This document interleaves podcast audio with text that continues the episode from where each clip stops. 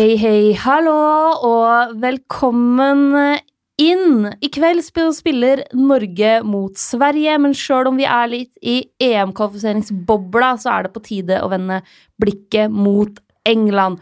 For nå, nå kommer det vi alle har venta på. Det kribler i magen og bruser i blodet. Sommerfuglene går amok.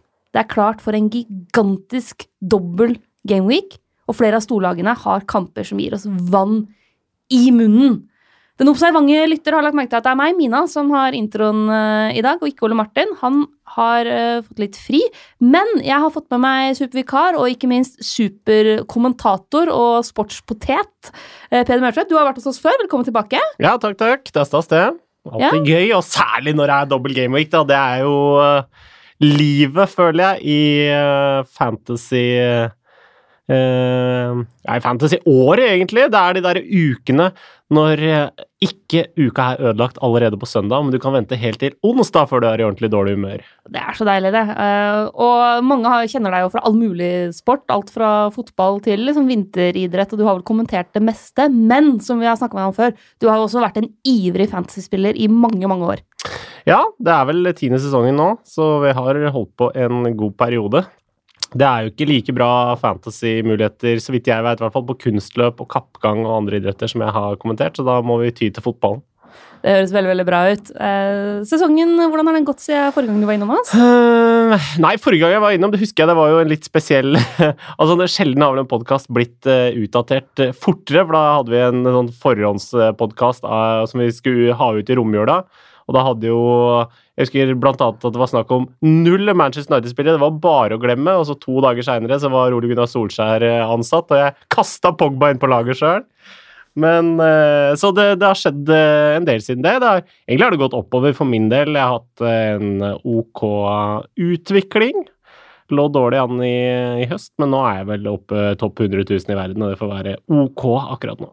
Ja, jeg ser jo, vi er jo i samme liga, den ekspertligaen, at du har liksom sneket deg eh, forbi meg der. Jeg har jo hatt noen grusomme runder. Det har egentlig gått nedover og nedover og nedover. Men det er jo det som er så gøy med doble runder, at det er litt sånn blanke ark og nye muligheter. Du brukte free hit forrige runde, i runde 31. Yes. Hvordan gikk det? Det gikk eh, jo helt uh, greit. Uh, jeg har jo nesten dobbelt så mye poeng som eh, average. Average lå på 26, jeg fikk 49. Eh, og hvis du skal ta utgangspunkt i den ekspertligaen der, da, for eksempel, så er det jo bare ja, én som har mer poeng enn meg i den gameweeken. Så jeg tok inn på de fleste, rykka litt eh, fra, og det er klart at det er jo et lite mål å komme i hvert fall over kommentatorkollegaer som Endre Olav, Espen og, og Simen, og så får vi heller Eh, la Ole Martin seile litt, eh, litt, foran akkurat i øyeblikket, men det er jo noen uker igjen nå, heldigvis. Ja, Vi må gi en liten shout-out til den i Ekspertligaen som uh, hadde den beste runden i runde 31, som ikke brukte free. Det var uh, Helge. Kjent uh, fra mange fra Premier Leagues. Og mye av grunnen til at han får en shout-out, er jo selvfølgelig også at han har Peter Crouch på laget sitt. Og da blir jo jeg lykkelig. Men du har altså brukt opp uh, freeheaten din. Hva er da planen videre? Når vi skal inn i dobbeltrunder og nye blankerunder og hele bøtteballetten? Ja, jeg syns det der er litt interessant, da, for vi har tydeligvis ganske ulik tilnærming til hva som er uh, lurt. Uh, sånn sett, For jeg tenker jo alltid å doble gameweek-runder. Da kan jeg ikke bruke freehit eller wildcard, for da må vi få lagt inn en benchboost, vi må få lagt inn en triple captain. Fordi da er det doble muligheter. Det er store sjanser for å hente hjem mye poeng på mange spillere, og da tenker jeg at da eh, Siden det er sånn at man da bare kan bruke én chip om gangen, da. Du kan jo ikke bruke både free hit og triple captain, eller free hit og bench boost, ikke sant. Så, eller det samme med wildcard også, og det der har jeg brent meg på tidligere. Så derfor så har jeg blitt veldig bevisst på at uh, når det er doble gameweek-muligheter, så må jeg prøve å få lagt inn muligheten for å få flest, eller mest mulig poeng på flest mulig spillere, da. Yes, Og denne runden her, hvilke chip er det som ryker da? Uh, jeg tipper vel at det blir uh, triple captain. Det er jo uh, Manchester City, hvis vi skal begynne der, da, som har et par opplagte muligheter og, og, kandidater. De møter jo tross alt Fulham og Cardiff, og det er jo sjeldent uh, Eller det er vel nesten ikke mulig å få et bedre double game week. Det måtte jo vært full av Huddersfield, da, som kanskje hadde kunnet uh, knekke den, men det er, uh, det er, store muligheter for at det kommer til å bli mange mange Manchester City-mål. Jeg har jo en teori om at de som har avgjort måte kampoppsettet nå etter jul, spiller fantasy og har planer om å bruke triple captain denne runden her, og derfor bare sørga for at da måker vi inn Fulham Cardiff på City, sånn at uh, det er liksom best mulig ja, best mulig, eh, inngang, egentlig, til å skulle bruke triple captain. Så vi skal egentlig snart juve løs på det. Jeg får ikke brukt triple captain, fordi jeg har aktivert free hit-chipen min, så jeg sitter og leker noe voldsomt med å finne ut hvem som skal få plass på det laget. Eh, men du har jo kommentert landskamper nå i helga og de siste dagene, Peder. Er det noen spillere fra Premier League som liksom utpekte seg der, som du syns leverte bra? Ja, jeg har jo hatt noen øh, Premier League-spillere. Jeg skal vel ha en til i kveld, øh, faktisk. Siden vi spiller inn dette på en tirsdag, så har jeg jo mens eh, de fleste i Norge kommer til å være opptatt av Norge-Sverige, og sikkert jeg også til en viss grad, så skal jo Danmark også spille mot Sveits. Der har vi jo et par. Mm -hmm. Både Christian Eriksen og Chaydan Shakiri, som begge pleier å være veldig bra for landslagene sine. Så det kan bli spennende å følge med på. Men jeg hadde en Pogba i går, som riktignok ikke noterer seg for målpoeng i kampen mot Island. Hadde vel en assist i, i forrige landskampen, men som den siste halvtimen var helt enorm. Som eh, som skrudde på den, eh, den Pogba-knappen som bare han har, og da, da, er det ingen som kommer i nærheten av han. Han har jo en ballbehandling og en måte å spille fotball på som ikke ligner noen andre. Så det er sånn, det er helt unikt og, og veldig, veldig gøy å sitte og se på. Ja, det er jeg helt enig i. Og eh, for de som ikke har sett den assisten han har til Antoine Griezmann, den kampen som var eh, i helga, gå inn, finn det klippet, se den, og så ser du det, det målet 20 ganger til. Fordi det er fotballkunst og rein nytelse hele veien. Eh, Belgia har du vel også hatt? Eden Hazard har vært i fin form? Eh, ja, Eden Hazard har jo uh, vært i fin form. Kan jo gratulere han her også med sin hundrede landskamp, som mm. han uh, klarte å pille til seg på GSP stadion i Nikosia i Kypros. Det var ikke akkurat arenaen for uh, en feiring av en sånn elegant type som han er, men det var eh, Altså, Eden Hazard eh, ser bra ut, men det, det Belgia-laget som jeg kommenterte, de hadde avgjort kampen på 17 minutter, og så gikk de nesten ikke i angrep etter det. De hadde ballen, men det var Det var eh, en kamp som de der, der, de gjorde det de trengte, men ikke veldig mye mer. Nei, det, jeg satt jo i studio på den kvelden, eh, men fulgte jo først og fremst da Nederland-Tyskland, men hadde selvfølgelig Belgia også på en egen eh, skjerm. Eh, og det må sies at eh, Batshuay jo også river med seg både målgivende og assist, men har ganske mye flaks. Det må også være lov å si. Han kløner til seg en assist der, eh, og så er jo skåringa for så vidt bra. Men, eh, men han er en litt uvøren spiller. Men dette er teaser til vi skal snakke om ulike freehit-utkast uh, litt seinere i podkasten. Mitchell Batshuay er inne i ett av utkastene mine til freehit-lag. Det er galskap, men det er litt deilig galskap også. Ja, det, han er jo forholdsvis god. Han skåra litt mål i Palace også, så han, det, er helt, det er ikke et helt galskap-type tips heller. En som ikke har spilt eh, landskamper, det er jo Aguero. Så vi kan jo begynne med, med, City, fordi han har fått hvile, mens eh, de andre og flere av lagkameratene hans har vært i aksjon for sine respektive land. Så har Aguero tatt det lungt. Ja, han har jo til og med blitt vraka i troppen, som jo er småsensasjonell. Det var jo noen uh, spekulasjoner om det var pga. at han er så close med Messi. At Messi blir litt uh, Han kommer ikke inn i gruppa med alle de andre, og derfor vil de ikke ha med Aguero. Det høres jo helt uh, de, Men de har delt rom siden de var på liksom, U17, U18, U19-landslag? Ja, men det er mange spillere jeg kunne tenkt at ok, kanskje ikke du skal med i troppen av den grunn, men når det er Sergio Aguero, så har jeg tatt dem av likevel. Altså. Ja, enig. Men altså, Manchester City De skal altså spille mot Fulham og Cardiff. Det er nesten så det er for godt til å være sant. Og uansett om man er på free hit, om man sitter med et wildcard-lag, eller bare skal ha vanlige bytter og vurdere om man skal ta hits eller ikke, det store spørsmålet er må man ha tre City-spillere. Uh, ja, og svaret er jo uh, ja på det. Uh, og i hvert fall hvis du kjører free hit, så er det ingen vei utenom. Da må du ha det. Mens det er klart, må du begynne å hitte inn spillere og, det, og ta ta litt minuspoeng på det, så er nesten svaret ja fortsatt, men bare nesten. ja. Det er, det er jo litt billigere i anførselstegn å hitte inn spillere disse dobbeltrundene, fordi du får eh, Altså hvis du hitter inn en spiller som spiller begge kampene, så er du på en måte allerede i null før han har begynt å få bonuspoeng.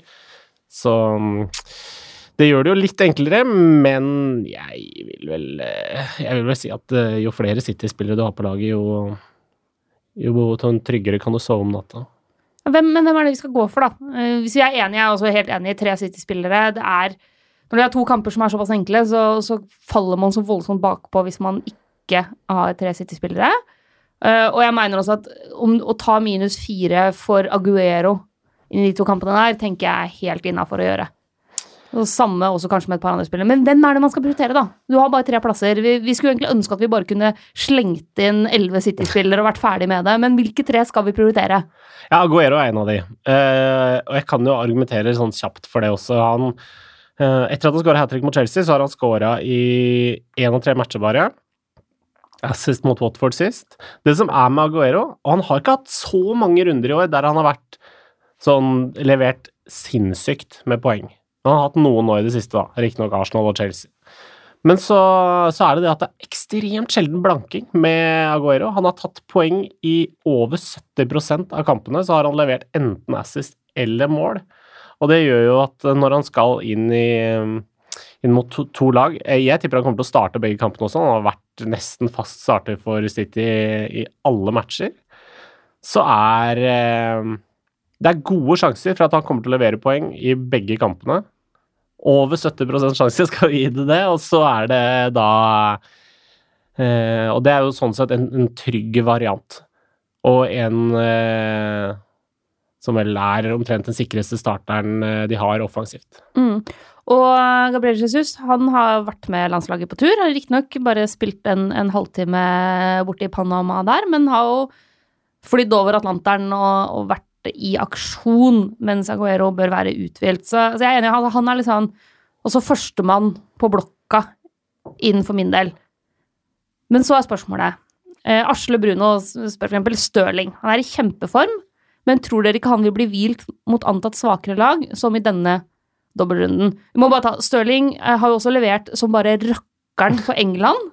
Ja, jeg har ikke kommentert i landskampene sjøl, men det er jo selvfølgelig sant. Han har jo fire mål på to matcher, vært helt strålende. Og var jo også i kjempeform før landslagspausa. Ja, og Stirling også starter jo det meste av kampene. Han har jo starta 24 matcher, vel, av 30 totalt sett. Eh, snakkes jo en del om rotasjon og pep, men han stiller med ganske mange av de samme gutta hele tida. Eh, selvfølgelig Edson i mål, men Laporte, Fernandinho har vært skada i det siste, har nesten spilt alt, han også. Bernardo, Aguero, Stirling. Dette er karer som som stort sett starter. Ja, og i den grad de har blitt hvilt rotert, så har det jo gjerne vært i cupkamper eh, mot eh, antatt veldig dårlige lag der. Men ok, nå har du også eh, Fulham. Eh, nå på Det er på åh, Nå går jeg sur med Det er lørdag. kalenderen. Det er på, det er på lørdag, lørdag formiddag ja. med undertegnede på mikrofonen. Ja, det er du som skal kommentere, ja, da, vet du. Det, det, det, det, blir nydelig. Så jeg skal mane inn litt ekstra fancy poeng for alle som uh, har eh, Aguero og Stirling, som jeg nok kommer til å sitte med. Det er bare å sende meg en melding, så skal jeg juble litt ekstra, da. Ja, det er deilig. Men da, men da har de på lørdag, så har de altså Fulham. Så har de Cardiff på onsdag, blir det vel? Eh, og så har de da en cupkamp mot Brighton. Og så kommer jo da Tottenham i Champions League 9. april. Det er jo to uker til men det er ganske tette kamper. Så er vi trygge på at Stirling virkelig starter de to kampene nå, eller kan det være at han får slappe av, og type Riyad Mares kommer inn i en av de kampene? Ja, Marius er jo tilbake igjen, da.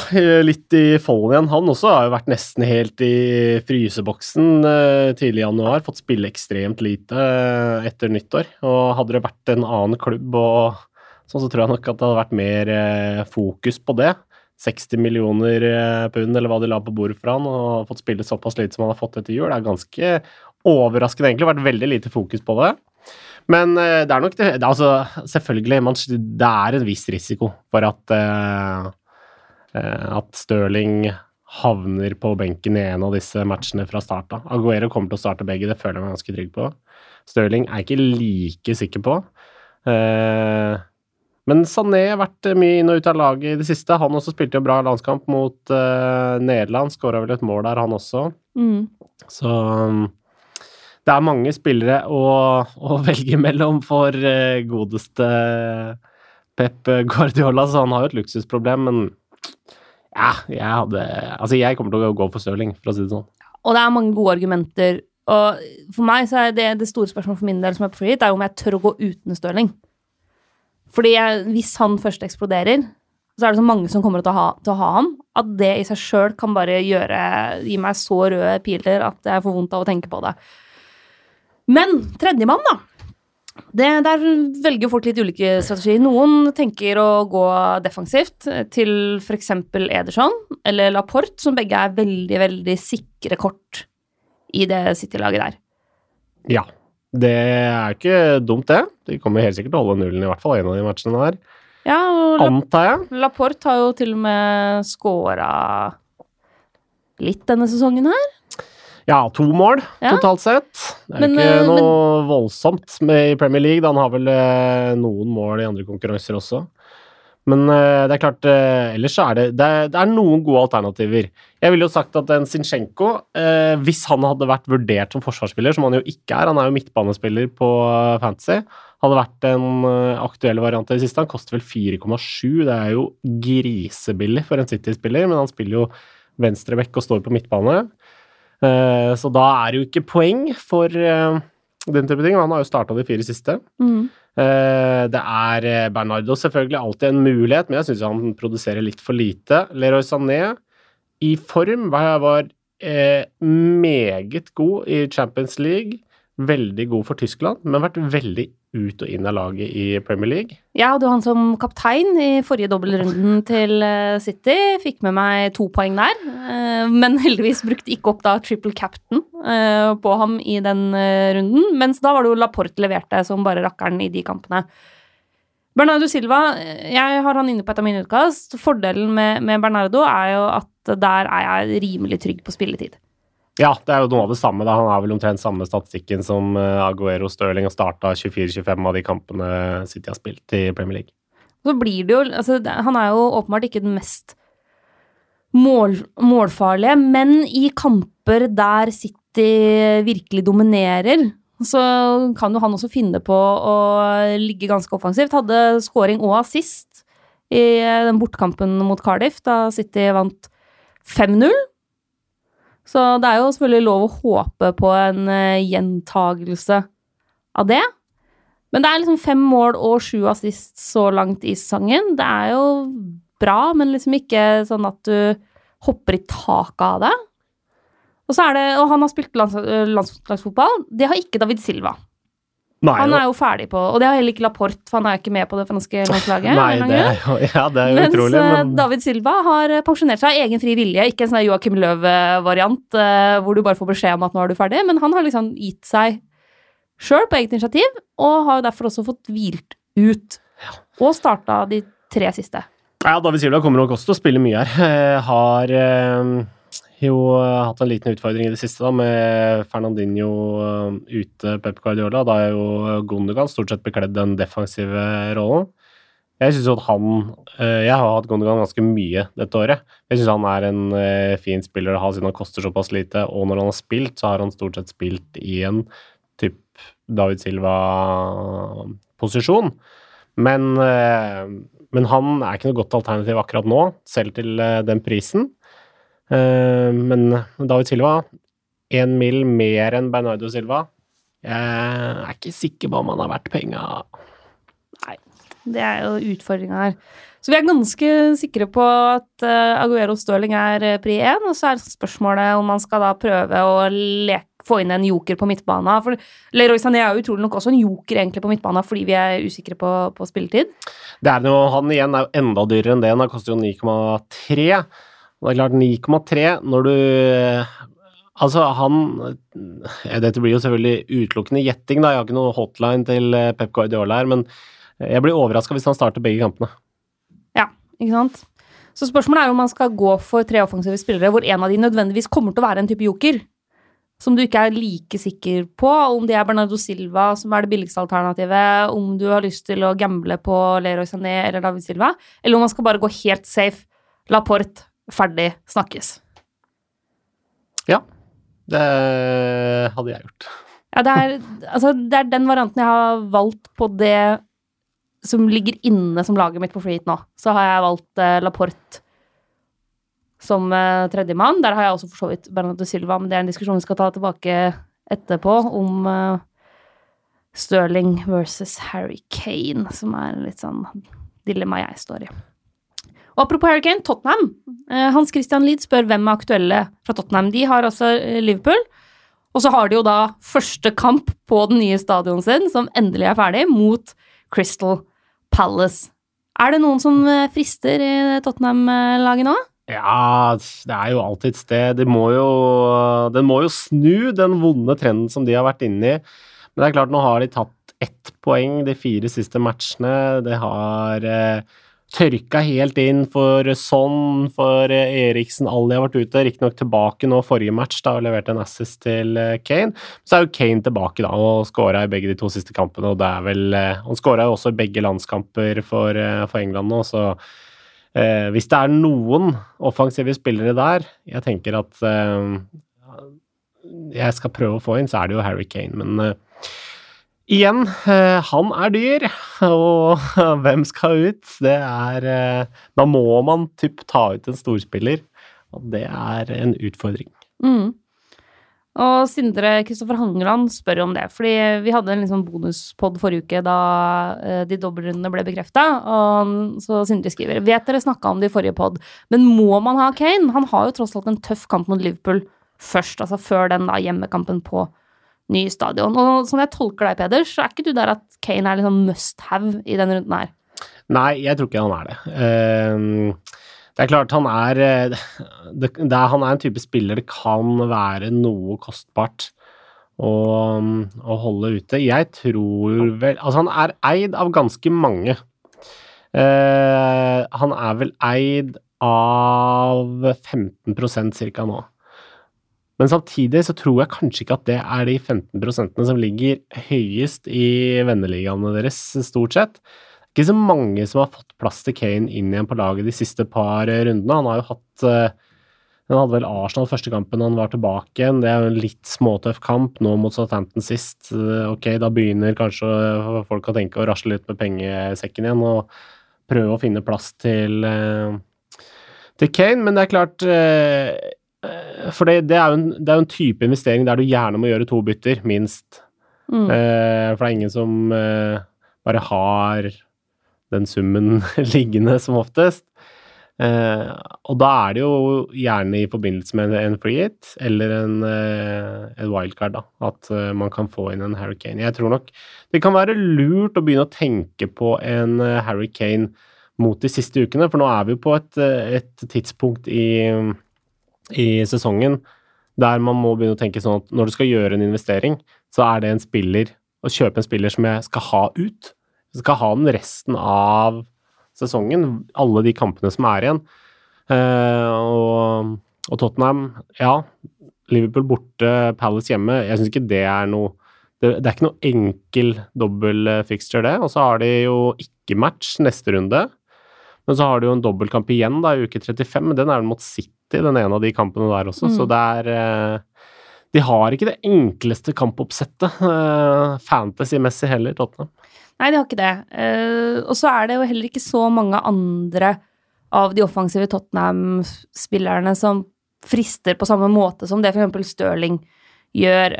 Altså, Hong Min Son var jo i fyr og flamme en periode. Nå har han ikke skåra på sine fem siste kamper for Tottenham. Uh, og faktisk så er det sånn at uh, de siste fire måla Tottenham har scora, altså i alle turneringer, da, både Premier League, Champions League og sånne ting, har alle vært scora av Harry Kane. De fire siste måla så er det Kane som har stått for det. Og i fire kamper eller fire kamper på Anfield, så har eh, Kane tre mål og én assist. Så han har jo levert liksom fire målpoeng på de fire kampene han har spilt på Anfield. De siste, fire siste. Så han har jo også historisk sett levert poeng mot Liverpool, og er jo også en spiss som noen Du har jo det man uh, i England vel kaller flat track bullies, og det man andre steder kaller eksempel Pecho Frio i Argentina. Altså spillere som først og fremst leverer mot mindre lag. Altså typisk Higuain. Eh, tidligere så har man også snakka om Lukaku som en sånn spiller som dundrer inn mål mot eh, dårlig motstand, men forsvinner litt i de store kampene mot de vanskelige lagene. Harry Kane er jo det motsatte. Ja, han eh, skårer mål i alle kamper, stort sett. Ja, og ofte, ofte, både han og Aguero leverer jo ofte veldig godt mot storlagene. Ja. Så ja, og så har, det, det er litt sånn Både pris og sånne ting tilsier at det går helt fint å gå Harry Kane. Gå uten Harry Kane, men det er noe med den magefølelsen min på første kamp på ny stadion. Harry Kane, liksom selve symbolet på nye Tottenham og den uh, framgangen de har hatt under Pochettino. Og jeg, sitter, jeg bare ser det så for meg at det er liksom skrevet i stjernene at Kane kommer til å score. Altså, han kommer til å være den første som scorer for Tottenham på ny Wembley, liksom. Du tenker ikke at det er typisk Tottenham å fucke det opp? ja, fordi altså, hadde de møtt alle andre lag enn Crystal Palace Fordi Crystal Palace har jo det i seg å skape problemer for storlagene. De har i år tatt over litt den rollen som Stoke gjerne har hatt og sånn knipe en del poeng også mot de aller, aller beste. Så nei, jeg syns den er vanskelig, uh, men det er, for meg så er det nok eh, Harry Kane eller ingen når det kommer til Tottenham. Ja. Denne runden her. Ikke dumt det. Crystal Palace er jo et av de lagene faktisk eh, litt lenger ned på tabellen som holder nullen oftest òg. Slipper inn forholdsvis lite mål, og i hvert fall i enkeltkamper. Så ja, de kan være litt vanskelig å bryte ned innimellom. Ja, Kanskje er det et annet uh, London-lag vi skal se til i stedet. Chelsea har jo i utgangspunktet en fantastisk uh, dobbeltrunde mot Brighton og Cardiff. Så egentlig så er det jo I en vanlig sesong så ville vi jo hatt diskusjonen må man ha tre Chelsea-spillere. Men Chelsea sin sesong er litt opp og ned. Uh, er det noen andre offensive Chelsea-spillere enn Eden Hazard vi vurderer? Uh, nei, ikke jeg i hvert fall. Men, uh, og det har jo litt uh, igjen, da, som du nevnte også, at det er dette med magefølelsen. Magefølelsen rundt Chelsea i det siste er litt Det er et eller annet som skurrer der. Det funker ikke, liksom. De spiller ikke så bra fotball. Siste matchen jeg hadde, de var mot Wolverhampton. Da er det jo på en måte De er jo det beste laget, de har ballen hele tida. De klarer ikke å liksom male seg til noen store, store sjanser, og så ender det jo med at uh, Nazar rydder opp da, på um, overtid. Og, og Eden Hazar, altså, han er for all del ofte veldig god mot eh, gode lag også. Men han har eh, klart best statistikk mot båndlaget av denne sesongen. Mm. I de matchene han har spilt mot bånd seks-lag, som jo begge disse to uh, klubbene er uh, akkurat i øyeblikket, som man skal møte nå, så er det sju mål og fire assist, tror jeg, på, på sju kamper fra start. Så Eden Hazar er eh, det soleklare offensive valget, og så tror jeg at hvis eh, jeg hadde spilt eh, free hit denne runden, så hadde jeg fått inn to defensive. For de holder nullen i hvert fall en av de kampene. Kanskje begge. Mm. Der har vi fått et spørsmål fra Kenneth Helge Molne, som spør hvor viktig er det å ha Ederson eller Kepa i mål. Han sitter nå med Patricio, men det blir jo neppe to clean sheets. Og det er jo kanskje Ederson og Kepa som seiler opp som toppvalgene på keeperplass. Eh, jeg syns det er litt for Jeg orker ikke å ofre en City-plass på Ederson. Og Kepa syns jeg da blir et, liksom det beste valget for min del. Det koster mindre også, vel? Og er billigere. Ja. Ederson koster 5,6, eh, Kepa koster 5,4. Så du sparer jo inn 0,2 der også. Og for meg så er Altså, hvis man hvis man er på free hit, så ville jeg prioritert å få inn uh, da Hels Kepa i mål. Hvis man ikke er på free hit og skal enten manøvrere med enkeltbytter og kanskje noen hits, så ville jeg ikke prioritert keeperplassen, for å være helt ærlig. Nei, helt enig. Uh, men enig med deg at uh, dobbel Chelsea defensivt er meget aktuelt denne runden her. Så går det an å si det også om Eh, nå var vi så vidt innom Crystal Palace, men Chelsea først og fremst da, er eh, jo eh, ett av to lag. Det er jo disse to lagene, Chelsea og Crystal Palace, som har dobbeltrunde nå, og som har én kamp allikevel i neste runde. For neste runde er jo en vanskelig runde med bare seks matcher igjen. Så hvis man skal bytte og drive og hitte inn spillere, så er det verdt å tenke på, og da er det klart at da, det gjør det litt lettere å hitte inn spillere fra Crystal Palace og Chelsea. Ja, definitivt.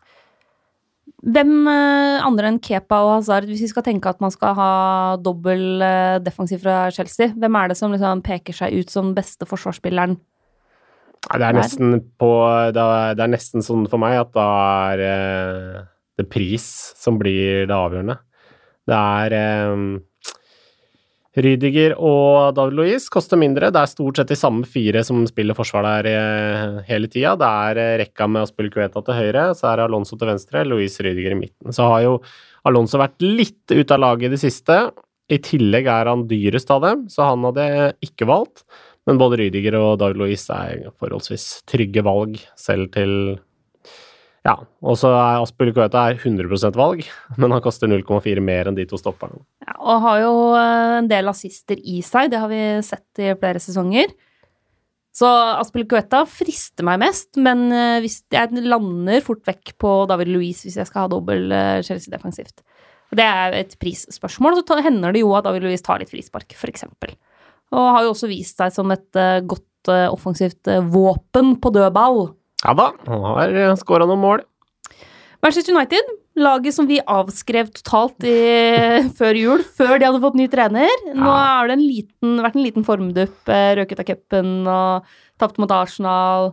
Skal opp mot uh, Barcelona i Champions League etter hvert. Men i denne runden her så er jo de også høyaktuelle. Hjemme mot Watford og borte mot Wolverhampton. Ja, det er uh, revansjens time er kommet på tirsdag 2. april her. Da skal det opp mot Wolverhampton borte igjen. De skapte jo veldig lite sist, da. Wolverhampton er et vanskelig lag å spille mot for alle om dagen. De er uh, så kompakte, ligger så lavt mot topplaga og er uh, De er det vanskelig å skåre mye mål på. Så det er vanskelig med Manchester United. Um, Watford også er et vanskelig lag. Det er et av de Altså, de ligger vel på åttendeplass eh, nå. Det ligger vel poenget bak Wolverhampton, bare. Så det er nummer sju og nummer åtte Manchester United skal møte på tabellen nå. Det er, eh, og to veldig fysiske lag. To sterke eh, og to sterke lag som er vanskelig å spille mot, og som de neppe kommer til å skåre mye mål på. Lar vi oss lure litt av navnene på laga, istedenfor å se på hvordan de faktisk har spilt? Ja, i det tilfellet her så er det litt sånn. Å tenke Watford hjemme, det er jo null pes, da. Men så begynner du å se på litt på det Watford-laget og se litt hva de har prestert i enkeltkamper, spesielt denne sesongen her, så er det veldig bra. Og de er jo definitivt altså Både Watford og Wolverhampton de har jo litt like sesonger, egentlig. Og begge to har jo store muligheter til å ta steget ut i Europa neste sesong. Og det er klart, det er et stort mål for begge de. Selvfølgelig. Men vi skal jo ha United-spillere, sjøl om kampene er vanskeligere enn vi tror. Da er, er det Paul Pogba som er eh, pri én og rett inn? Jepp, det er det. Han eh, kjøpte jeg jo eh, samme dag omtrent som Ole Gunnar Solskjær ble bekrefta som Manchester United-trener. fordi han hadde jo sagt så klart at han ville bygge laget rundt Pogba. Da tenkte jeg ja, det går så dårlig med meg likevel. at Hvorfor ikke bare gi det et, eh, et forsøk? Og han har jo hatt en enorm prisstigning siden den gang. Da, jeg kjøpte han vel for 7,8. Nå har han vært 9. Uh, får ikke casha inn det, da, dessverre. Men uh, Pogba han kommer nok til å bli på laget mitt uh, sesongen ut. og så er det vanskelig offensivt ellers, uh, syns jeg. Rashford med dårlig uttelling i det siste var jo ikke med på landslaget igjen nå. Lukaku, heller ikke han med på landslaget. Sanchez får det jo ikke til. Martial har vært uh, skada. Så det er veldig mange spørsmålstegn rundt hvem Manchester United kommer til å stille med. Men ja. uh, Pogba, han er uh, Han kommer til å spille. Pogba er veldig trygg. Uh, vi får, har fått spørsmål fra Sebastian, som vurderer å sette inn Lukaku. der tror jeg vi bare må vente og se hva som blir sagt på pressekonferansen. det siste vi vet om Lukaku er jo at han har en liten fotskade. Han kan være tilbake til helga. Eh, ben Dinnery, som pleier å være forholdsvis troverdig, opererer med en 75% sjanse for at han er klar, og var jo i ferd med å virkelig finne formen. Ja, og han skulle jo egentlig Han var, har vært med Belgia-troppen så vidt jeg veit, lite grann. Eh, planen var at han skulle spille mot Kypros. Men så tror jeg de egentlig bare tenkte at vet du hva, Kypros slår vi uansett. Det er ikke noe vits å ta noen sjanser. Og så har Lukaku reist hjem. Men jeg tipper at han har spillet klart til helga. Eh, men det blir jo litt gjetting.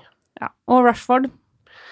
Ja, Rashford er vel noe av det samme. Der også er det eh, litt sånn Trenger ikke å være med landslaget. litt sånn Ferguson-takter over hele Manchester United nå. Med Lindløf nå med nytt barn. Bare å gratulere. Mhm. Ikke med på landslaget. Så for alle som har drevet og prøvd å gjette hvor langt eh, kona til Lindløf er på vei for å finne ut om han eh, kommer til å kunne spille to kamper eller skal gjøre en fødsel midt i alt det der, nå er ungen ute. Ja. Så vi slipper å liksom eh, bekymre oss for det. Han kommer til å spille. Han kommer til å spille. Altså, det er klart Lindløf er en, en aktuell variant. Og så er det sånn Martial ikke med. Nå har ikke han vært i den franske troppen i det hele tatt. Matic spilte ikke for, for Serbia. Uh, Lukaku Rashford ikke med. Lingard det samme. Vært i Dubai og trent og kost seg, så det er et eh, eh, Vi får tro, håpe for Ole Gunnar Solskjærs del, i hvert fall, at eh, Manchester United-spillerne er eh, tilbake og skadefrie når eh, hardkjøret begynner igjen. Mm. Og vi har fått spørsmål fra Renate Justad. eh, David Silva eller Jesse Lingard? Eh, Lingard er jo veldig mye billigere. Ja. Eh, og har jo, etter at han måtte av med skade mot Liverpool, eh, fått liksom tid til å komme seg ordentlig igjen. Eh, og han, eh, han Jeg syns han er en litt interessant variant, hvis man skal gamble. Jeg synes, Ja. Han koster 6,7. Og jeg ser jo for meg at han fort vekk starter. Det kan han veldig fort gjøre. Um, nå produserte ikke han noe så veldig mye de siste matchene eh, for ehm, Som han starta for Ole Gunnar Solskjær eh, heller. Og han har jo en tendens til å være ekstremt god i desember, så det får jo være et tips for neste sesong. At eh, når desember begynner å nærme seg, så få for guds skyld inn Jesse Lingard. Jeg tror det er eh, litt for stort sjansespill å ta inn han nå. Så har du råd til David Silva, og du sitter og vurderer en av de to, så um, er vel Silva noen hakk foran akkurat i øyeblikket. Forsvarsspillere, da? Vi snakka om Lindløf. Eh, Er han, er, stoler vi på United defensivt mot Watford og Wolverhampton? Eh, jeg tror at de kommer til å slippe inn mål. Eh, jeg tror fort de slipper inn mål i begge matchene. Wolverhampton det, det er en sånn type kamp som fort kan ende 0-0. Watford eh, kommer nok Manchester United til å score på, men jeg tror de fort kan slippe inn mål også. Det har jo vist seg eh, litt sårbare, også på hjemmebane. Sluppet inn ganske mye mål på hjemmebane også etter at Ole Gunnar Solskjær eh, kom til. Det er først og fremst på bortebane de har vært flinke til å holde nullen. Så eh, det er ikke noen Det er ikke noen opplagte sånn must-haves i, i forsvaret til Manchester United, sånn som jeg ser det i hvert fall. Nei, jeg leker litt med tanken på, på Lindløf, men eh, jeg er ikke helt overbevist om det heller. Det er jo litt sånn Hvis man tenker på heller da sånn som Docherty, da, som mange har sittet med lenge. Han leverer jo litt opp og litt ned. Nå er han dyrere enn en Lindløf, men for de som har hatt han hele veien eh, Ja, han har en vanskelig kamp eh, mot United, selvfølgelig, men Wolverhampton skal også møte Burnley. Og, der, og når man har uh, Doherty, så er det jo like mye i håp om å kunne få noen offensive bidrag som det at de skal holde nullen. Så ja, for mange så kan det å holde på Doherty i en dobbeltrunde her være helt greit, tenker jeg. Ja, ja, helt opplagt. Yes. Da har vi snakka oss gjennom en del av de aktuelle lagene. Eh, er det noen litt sånn jokere fra de mindre laga med dobbeltrunde vi bør eh, kikke litt på? Eh, ja, det er jo alltid noen. Eh, uh, men akkurat Altså, vi kan begynne med Brighton, for eksempel. Brighton har jo dobbeltrunde. Der er det jo Det er jo egentlig bare to valg på Brighton, sånn som jeg ser det. Noen vil jo selvfølgelig nevne at uh, Glenn Murray er en, uh, en aktuell kandidat. Jeg vet at du uh, har lagt en gjeld på han særlig for den neste dobbeltrunden som skal være. Men Shane Duffy, Louis Dunk, forsvarsspillere, særlig Shane Duffy, er jo en voldsom trussel på offensiv dødball. Han eh, har vel noe sånt som Jeg tror han er den Brighton-spilleren med tred mest eh, touch i motstanders boks denne sesongen. Det sier ganske mye om Brighton og hvordan de spiller. Det sier ganske mye om Brighton og hvordan de spiller, men så har han også scora fem mål, da. Ja. Og han er sånn totalt loco i hodeduellene. Kaster seg inn med dødsforakt hver eneste gang. Og skårer mål ganske jevnlig denne sesongen. her, Så Shane Duffy han er en sånn fyr som det er mulig å ha med, i hvert fall i, i sånn Når Brighton skal spille to matcher nå. Ja, Mm. kanskje han skårer et mål. Cardiff får dobbeltrunde, men de møter Chelsea og Manchester City, så der sier vi hyggelig for dere, Cardiff, men det blir ikke noen Cardiff-spillere inn. Ja, Sol Bamba skårer mot Chelsea sist, eh, vet du, og det er noen muligheter der. Men eh, det finnes jo en veldig, veldig billig joker i eh, Chelsea, eh, og det er Callum Hudson Odoi.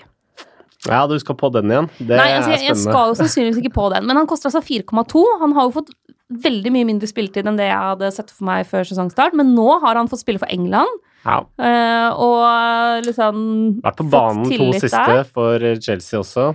Så eh, i hvert fall hvis man ikke har tenkt å, å ha tre Altså hvis man ikke skal ha Sarg pluss to defensive Chelsea-spillere, Hudson og Doy på, på benken i hvert fall, da. Uh, kan jo være interessant. Og så er det Jeg sier ikke at man skal hive inn Hudson og Doy nå, men, men det å følge med på han som en litt joker inn mot de siste rundene nå eh, Det er ikke umulig å se for seg at han kan eh, få en kamp fra start mot et av de litt enklere lagene, altså. Nei, det, og det er jo et interessant spørsmål som kanskje egentlig først og fremst hører hjemme i en fotballpodkast mer enn en fantasypodkast. For hvorfor han får spille så lite, skjønner jeg ingenting av. Både Pedro og William er jo veldig veldig gode på sitt beste. En Hudson Odoi er ikke langt bak, om han er bak i det hele tatt, sånn som han øh, viser seg fram nå. Så øh, under et annet regime så tror jeg Hudson Odoi hadde fått spille mye mer, men Sarri er jo veldig, veldig tro mot øh, de 12-13 mennene han valgte ut ved sesongstart, og har jo nesten bare spilt med det samme laget, med unntak av et par plasser, hele sesongen. Så det har nok eh, Hudson Odoi fått lide litt eh, under. Crystal Palace, høyaktuelt lag for de som eh, er på wildcard. Fordi de har dobbel nå og kamp i neste. De har da Huddersfield og Tottenham, og så har de Newcastle i runde 33. Hvem er det som liksom stikker seg ut mest eh, på, på det Palace-laget, sånn fantasy-messig? Ja, nå har jeg en herlig joker her, Oh, og det deilig. er eh, Jeffrey Slupp. Ja, ja, ja, ja, ja, få det på! For Jeffrey Slupp, 4,5, står som forsvarer, spiller midtbane, og har jo i, i tillegg begynt å levere litt eh, offensivt. Husker jo han skåra mot eh, City for noen uker siden, skåra mot Fulham. Tre assist, fire siste kamper. Jeffrey Slupp, han er den lille rakkeren som du skal lure inn for å ta steget forbi vennene dine. Og Det er jo egentlig svar på også spørsmål fra Einers på Instagram, som eh, er på jakt etter en forsvarsspiller til maks 5,2. Og Einers er på wildcard-lag, så det er, må være en spiller som har kamper rundt 33. Yep. Er jo egentlig slupp svaret. Han er svaret på, på alle dine problemer. Ja, sånn kan det gå. Eh, ellers så er det jo sånn som eh, Virfis Saha Michi Batshuay, som kan være interessante valg. Batshuay rotete i spillestilen, men, men roter også inn mål både for Belgia og for Crystal Palace. Ja, han uh, gjør det første målet hans uh, der mot Leicester. Uh, hadde jeg vel gleden av å kommentere, der han kaster fram et bein og blir truffet av ballen. Han går i mål. Og det blir jo noen mål av det, men jeg syns vel fortsatt ikke at han viser nok til at jeg er helt overbevist. Wilfred Saha er jo han er jo en fantastisk fotballspiller, han også. Litt, litt som Pogba spiller jo fotball på en måte som ingen andre. Men eh, motstanderen er jo også veldig klar over Wilfred sa. Og for eksempel forrige match de spilte mot Brighton, han blir jo pakka inn så voldsomt. Det er to spillere på han med en gang han får ballen. Så han har fryktelig tøffe arbeidsforhold. Altså så, så kan han løse det allikevel. Han har vel fire mål de siste seks kamper eller noe sånt. Så Ja, og vi har jo fått også spørsmål fra Hans Christian Lid på Facebook eh, om hvem som skal være tredje spiss. Hvis man da går for en type Harry Kane Aguero-variant. Eh, han har Himinez enn så lenge, men lurer på om det er andre alternativer i den prisklassen, og sitter da på free hit. Og da kan vi også nevne, fordi eh, Watford skal da spille mot Manchester United og Fulham, eh, mens Wolverhampton skal spille mot Burnley og Manchester United. Um, og jeg har kikka litt på et par sånne billigspillere. Eh, hvis vi ser på de siste ti kampene, da, eh, på spissplass Ja, vi må også huske å nevne at Fulham har dobbeltrunde med City og, og Watford. Men hvis du ser på for da Jimenez, Saha, Rashford, Troy Dini og Mitrovic, som alle er eh, spisser som koster under åtte. Rashford er jo soleklart dyrest på 7,6. Troy Dini billigst 5,9. Hvis vi ser på de siste ti kampene, så er det Jimenez som er liksom poengkongen blant de gutta der. Tatt 58 poeng på de siste ti, altså et snitt på 5,8 per kamp. Det syns jeg er meget bra til 6,8. Jimenez er eh, vet, vet du hva? Jeg skal ikke begynne å konkludere ennå. Fortsett. Ja. Eh, hvis vi ser på, på mål, så har Jimenez skåra seks mål på de kampene. Eh, tett etterfulgt av Wilfred Saha, Zaha, som er da, har skåra fem mål. Gått litt under radaren, egentlig, etter at han kom tilbake fra skade. Mens da Rashford og Dini har tre mål hver, og Mitrovic har to. Eh, og så er det også da Troy Dini som har flest assist, tre assist på de siste ti kampene. Dette er da fra runde 22 til 31, så det har vært noen blanke runder og litt sånn inni miksen der også. Eh, når det kommer til eh, skudd inne i boksen, så er Himinez kongen av det. 21. Nærmeste bak han er Rashford med 18. Saha og Mitrovic har 17, og Troy Dini har 12.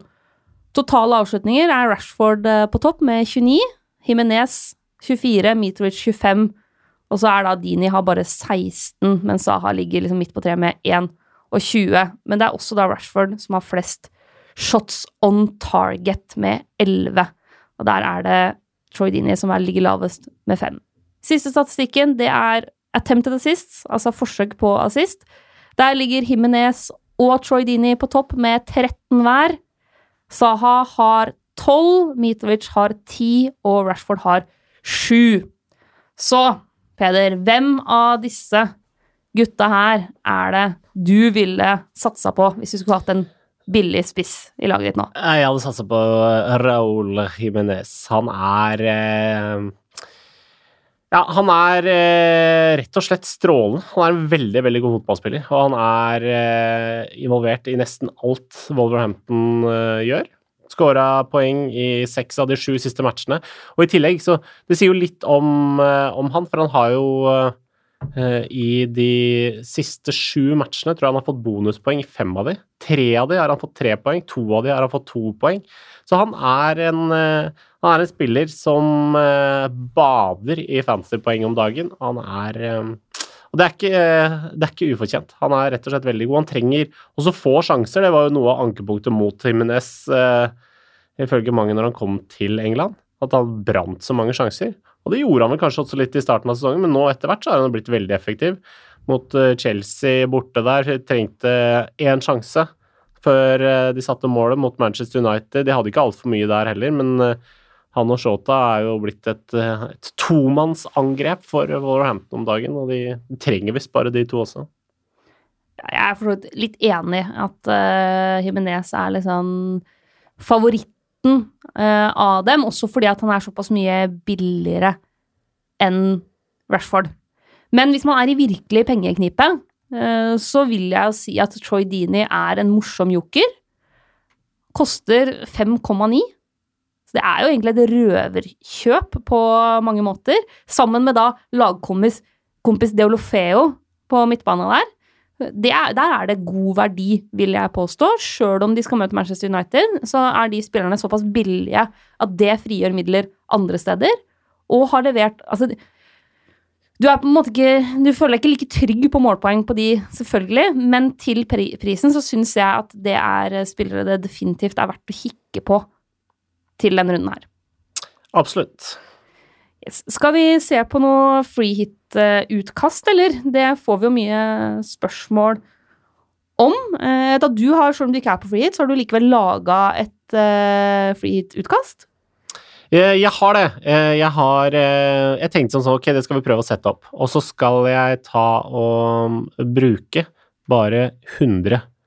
For da kan alle dere som på et eller annet mystisk vis ikke har klart å tjene opp litt ekstra cash i løpet av sesongen Hvis du ikke har klart det, det imponerer meg. Det må fortelle meg hvordan du har klart.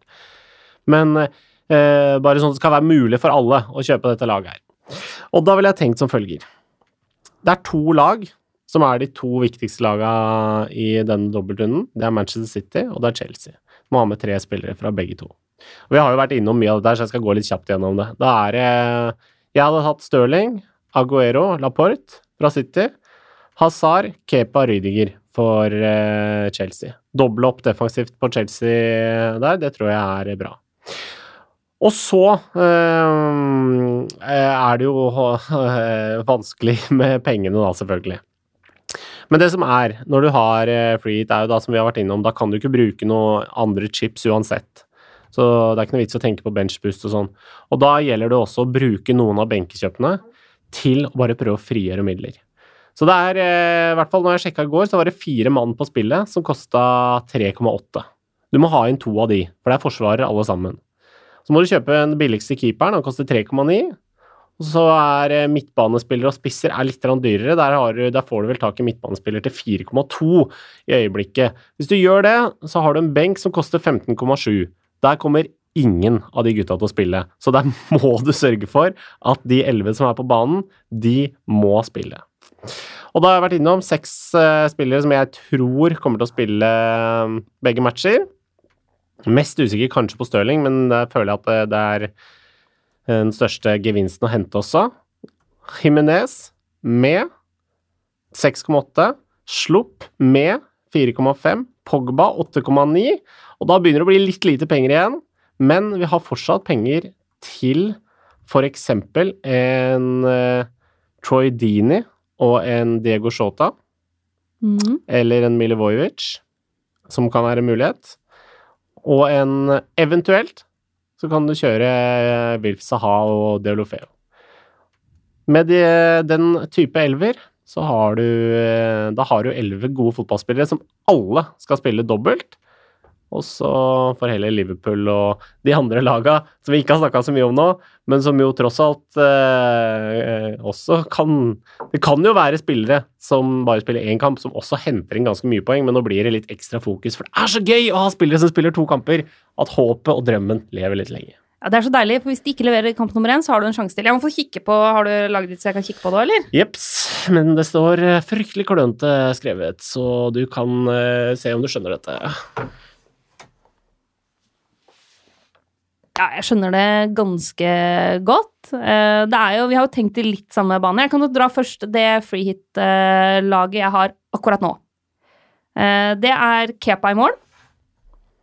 Det er eh, Laporte. Det er Docherty. Og så er det da Van Bissaka. Jeg vil jo egentlig ha slutt, men det var liksom et pengeproblem. Så er det Pogba, Bernardo Silva, Eden Hazard og Jesse Lingard så er det Jimenez, Kane og Aguero. Det er liksom det som ligger inne som mitt lag akkurat nå. Det er ikke det laget jeg kommer til å ha, men det var det jeg liksom smalt sammen uh, på fredagen. Og det er litt, Jeg har litt lyst til å ta en gamble på, på, Lingard, men jeg tror jeg kommer til å feige ut på det. Uh, og så står jeg i det derre Stirling eller Kane-dilemma. Uh, og jeg tror jo mer jeg tenker på det, at det kan være vondere å gå uten Stirling enn å gå uten Kane. Eh, så jeg har eh, et eh, utkast også med Stirling uten Kane. Da er det David Louise Laporte Docherty, og så er det Hazard Stirling, Deolofeo Pogba, Aguero, Rashford og Himinez. Det avhenger jo litt av skaden til, til Rashford og hva vi får informasjon der. Og jeg har også da ingenting på benken, liksom. Tre-åtte forsvarere og fire-to midtbanespiller. Det må man liksom gjøre. Og så er det siste utkastet mitt. Der uh, har jeg til og med penger i banken, og det er litt sånn crazy variant. Uh, det er med Kepa og Aspilicueta uh, defensivt fra, fra, Chelsea. Lindeløf og Slupp i tillegg i forsvarsrekka. Hazard, Stirling, Bernardo Silva og Pogba. Og så Aguero, Troy Dini og Jimenez på topp. Så det er litt sånn ulike strategier. det er litt hvor man skal bruke, legge pengene. Skal man legge mye penger i spissrekka og ha både Aguero og Kane, eller skal man heller prioritere da midtbana og dunke inn både Raheem Sterling eh, og eh, i tillegg til å ha Pogba og Hazard? Eh, og litt sånn hvordan er det man egentlig tenker at det er Hvor er det mest verdi, da? Eh, og noe av det som bikker den nå, i retning Stirling kontra Kane for min del, er jo også det ekstra poenget midtbanespillere får for mål, og det at de kan få clean sheet-poeng. Fordi det er jo sjanser for at f.eks. Stirling kan også få de ekstrapoengene for clean sheet eh, i kamp mot, mot uh, Cardiff og Fulham. Så jeg har ikke landa helt ennå. Hvilke, hvilke variant uh, ville du uh, gått for? Eh, det tror jeg ikke jeg skal svare helt 100% sikkert på, men det jeg kan eh, stille deg et lite spørsmål om. For det, det syns jeg var litt interessant eh, rundt denne runden her. Fordi eh, dette har jo vært en sesong egentlig helt fra starten av som har handla veldig mye om midtbanespillerne. Yep. Det har vært eh, de dyre midtbanespillerne, hvem skal man ha? Men i eh, arbeidet med freehit-runden her, så syns jeg at det som var soleklart vanskeligst, var å finne gode midtbanespillere. Mm. Jeg visste rett og slett ikke hvem skal man velge. Fordi mange av de litt billigere alternativene som man har på midten, de er jo De har ikke dobbeltrunder, eller de er litt ute av form, eller Ja, så det, det Jeg syns eh, det var rett og slett eh, Det føler jeg kanskje er den aller største utfordringa. For står du på topp med, med Aguero, Saha, Jiminez f.eks. før denne helga her, så har du, da har du en helt OK fronttrio. Du må ikke ha en Harry Kane, men allikevel er det vanskelig å finne de riktige midtbanespillerne, syns jeg. Jeg er helt enig. Da er du avhengig av å slenge inn noen sånne jokere av typen Deolofeo, da. Som kan finne på å, å, levere. Det er liksom Stirling Hazard Pogba er veldig trygge, gode valg. Eller trygt og trygt med Stirling og spilletid, men det er liksom spillere i form. Så er det jo litt det at uh, Tottenham har den Liverpool-kampen som gjør at vi da bare avskriver Christian Eriksen, Dele Alli, Hong Min Son, som ellers, hvis, hvis, det er Tottenham som skulle møte Brighton og Cardiff, så ville jo de vært høyaktuelle i denne runden her, men de forsvinner litt sånn ut. Så er det jo det at, at i Chelsea så er det liksom Hazard eller ingenting offensivt, fordi du vet på en måte ikke hvem som starter av William og Pedro. Det er vanskelig å spå. Du veit at begge kommer til å spille, men du veit ikke hvem av dem som spiller 70 og hvem av dem som spiller 20. Og da blir det for, for vanskelig for meg å, å liksom lande noen der. Så akkurat den runden her, så er det liksom så Skal man ha noen fra Tottenham, så er det Harry Kane, og da binder du opp fryktelig mye penger på topp. Og da, det er den, det valget man egentlig står i, om man skal kjøre Aguero pluss to rimelige spisser, eller Aguero og Kane, og da prøve å finne litt billigere midtbanealternativer. Og der er det liksom Du kan prøve Jota. Du kan prøve Deolofeo. Eh, det er liksom Jeg ser at noen går for sånn som Ivojevic, som jo tar straffer i, i, Crystal Palace, men da må du på en måte gamble på at Saha skal drible seg inn eh, og bli takla i 16-meteren, og det er klart at det det skjer jo hele tida, det. det. er ikke blant de minst sannsynlige tingene som kan skje i en uh, fotballkamp, at uh, Saha får en straffe, men jeg syns det er litt sånn den straffeflyten til Crystal Palace det må jo slutte en gang! De får jo straffer hele tida! Det må slutte en eller annen gang, og, og, det er litt sånn Jeg orker ikke å ta inn en spiller uh, hvor jeg ikke stoler på at han kommer til å score på egen hånd, på en måte. at han er avhengig av at Saha sannsynligvis, da det er Saha, gjør et eller annet. I hvert fall han koster 6,3. Hadde Mijovic kosta en million mindre, da, så ville mm. det vært et helt annet spørsmål. Men jeg kan ta med bare en, en bonus, eh, litt artig fact om Milivojevic. da, fordi Han har jo skåra mål eh, Han har jo ni mål totalt i år, da, og åtte av de riktignok på straffe. Men det som er, er at når han tar straffe og skårer mål, for det gjør han hver gang, bortsett fra én gang, da, så får han tre bonuspoeng i tillegg. Ja.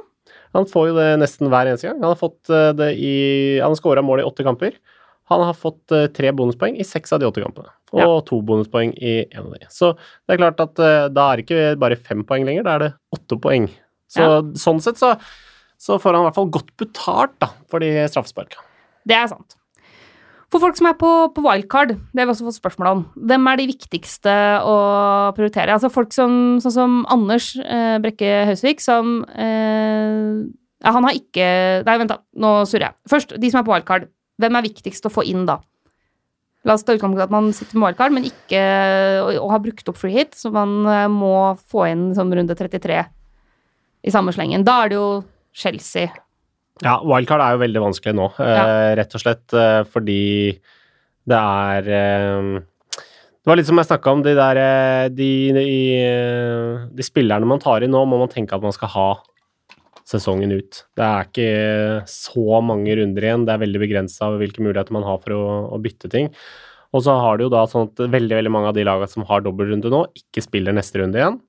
Um, og det dreier seg da om uh, Wolverhampton, om, uh, om Manchester City, City om uh, Tottenham, ikke sant. Sånn at det er, det er litt vanskelig å komme med et veldig godt alternativ da, for da er det som vi har snakka om, det er Chelsea, det er Crystal Palace som er de to laga som både har dobbeltrunde nå, og som spiller neste runde. Og det er, det er litt tynt og litt farlig, vil jeg sagt, å sette opp en, et wildcard-lag med en stamme fra de to laga som skal holde sesongen ut.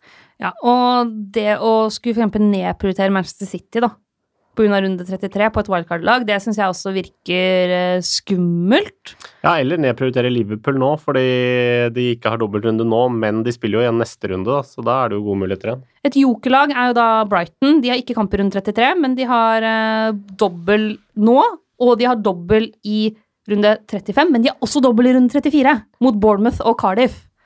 Så Duffy kan jo være et uh, godt valg Absolutt. for de som spiller wildcard, sjøl om han da ikke har kamp i 33. Så er det Anders eh, sitt spørsmål, som da verken har wildcard eller frihit. Eh, hva bør man da prioritere? Er det flest mulig spillere i dobbeltrunden nå, eller balansere dobbeltrunden og blank? Og hvor mange hits kan man ta for å få inn spillere nå? Eh, jeg ville sagt at hvis du skal hitte inn masse spillere, så bør, du, så bør de helst spille neste runde også. Fordi ellers så, så setter du deg i en situasjon der du fort begynner å tenke at du skal hitte også neste uke. Men eh, ellers så er det Ja, si det. det er godt vi har mye å tenke på. Ja, jeg syns det er vanskelig. Eh, jeg tenker at eh, man må ha noe City-dekning. Selv om de ikke har kamp neste runde, så, så, må man på en måte ha det. For jeg tror man kan havne så fryktelig bakpå hvis du går inn i den dobbeltrunden her uten en eneste City-spiller. Da tror jeg at det blir fort vekk veldig røde piler. Så det å altså det i hvert fall ha noe å sitte i offensivt tror jeg er viktig. Eh, hvor mange hits man skal ta. Altså, sånn hvis du kommer inn i en sånn hitsbølge nå, hvor du må du hitter inn tre spillere nå som ikke har kamp neste runde, og så da må du kanskje hitte igjen, og så kommer det en ny dobbeltrunde i 35. Da, da, begynner det å bli vanskelig. Det er noe hele tida. Du havner på etterskudd, og da det er vondt å ta inn det. Et alternativ er jo å bare gi litt blanke i runde 33. Eh, ta inn et par ha, ha, noe Chelsea og noe Crystal Palace. Og tenke at ok, greit, da kan hende jeg sitter med liksom fire spillere i runde 33. Det får bare gå. Det er en runde jeg bare avskriver. Det går an å tenke litt sånn, faktisk. fordi hvis man eh, ser bare tilbake på runde 31, da, som vi jo hadde forrige runde, der det var fem matcher så er jo altså da gjennomsnittet på 26 poeng. Så det er jo begrensa hvor mye du kommer til å tape. Har du tre Liverpool-spillere nå, da, for eksempel, så er du jo på mange måter ganske greit dekka også den runden som kommer. Mm, og da kan, kan, du velge Altså hvis du har La oss si du, du har nå fem spillere med kamp i runde 33. Eh, da kan du prioritere å få inn et par City-spillere nå. Eh, og tenke at da står de i den runden, og så står de også godt resten av sesongen inn mot dobbeltrunde 35 og de greiene der. Men, eh, ja, men jeg tror du må velge noe å nedprioritere, og jeg ville da eh, tenkt at det er ikke krise å ikke ha fullt lag Nei. i runde 33. Blytung dobbeltrunde på 30, 35 der for eh, City, da likevel. De har vel Tottenham og Manchester United. Ja, men en men... spiller som Aguero veit vi jo at også leverer mot de gode lagene. Ja, hva er det jeg skulle si. Dobbelt hat trick på han. Ja. Så ingenting å tenke på det. Yes, vi skal begynne å runde av, men vi må jo ta litt ordentlig bare på kaptein, da. Uh, vi er vel begge der at uh, det er City-kaptein som gjelder. Ja, jeg har tenkt det, men uh, etter at vi har sittet her nå en time og prata, så blir jeg litt sånn Fader, kanskje det er Eden sin tur allikevel? Det er jo mulig, det er jo mulig. Så jeg begynte å flikke litt på laget mitt og se om kanskje, kanskje, jeg kan få han inn, for jeg har han ikke, da. Nei. Men Nei Aguero har ikke hatt for vane å være så brutal, uh, i hvert fall ikke i det siste, mot båndlaga som mot de beste laga. Stirling eh, tror jeg jeg kommer til å lande på. Ja, du øh, ligger der, ja. Jeg har akkurat nå kapteinsbindet på Aguero. Eh, det handler også litt om at jeg er tryggest på spilletid på han. Eh, men det står mellom han og Stirling akkurat nå for meg. Eh, og så syns jeg Eden Hazard er en joker i det her, altså. Jeg Ja, syns sagt, det. Han har vært eh, veldig vond for eh, de dårligste laga i år. Og han har jo da også, da eh, Argumentet mot Eden Hazard er jo at han, han blanker jo, som jeg liker å kalle det litt hipt, mot disse Altså mye, mye oftere Ja. enn en Aguero gjør. Han er mer eksplosiv. Altså, der er det større bølgedaler, da. Eh, på Edna Hazard. Eh, det, det kan være to runder med liksom null niks nada, og så kommer det en 15-poenger. Og så kan det være en runde med null niks nada igjen, og så en ny sånn stor runde. Så han er, er kanskje Han er ganske eksplosiv når han først leverer. Ja. Ofte. Og hvis han scorer, så får han veldig ofte med seg bonuspoeng. Han Eh, trives veldig godt med å være på landslaget også, og pleier å spille bra når han kommer tilbake igjen, så hvorfor og er klink i startelveren. Ja, ja. Så han veit jo at starter begge kamper. Det er veldig riktig. Med mindre han blir skadet, selvfølgelig. Altså, ting kan jo skje. Så det er vel topp tre kapteinsalternativer. Jeg står akkurat nå på Aguero, du står akkurat nå på Stirling. Og vi begge to sitter litt med en følelse av at kanskje er det en Hazard som kommer til å bare straffe oss noe så voldsomt. Ja, og alle som eh, har eh, Harry Kane når han eh, setter inn sitt hat trick, kan også bare sende oss en hånende melding. Det stemmer. Jeg tror det var det vi rakk i dag. Tusen takk for at du har vært med, Peder. Det var- det var veldig stas. Ja, veldig stas for meg spesielt, da. Takk for det.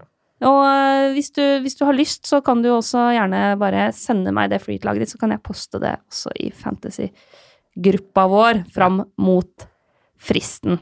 Vi har fortsatt en konkurranse gående både på Instagram og Facebook. Eh, send fortsatt eh, lag hvis du hadde en grufull runde i eh, runde 31, så skal vi etter hvert kåre en vinner av konkurransen vår. Det er bare å gønne på der. Og så er vi tilbake neste uke med ny podkast. Den kommer litt sånn midt i runden.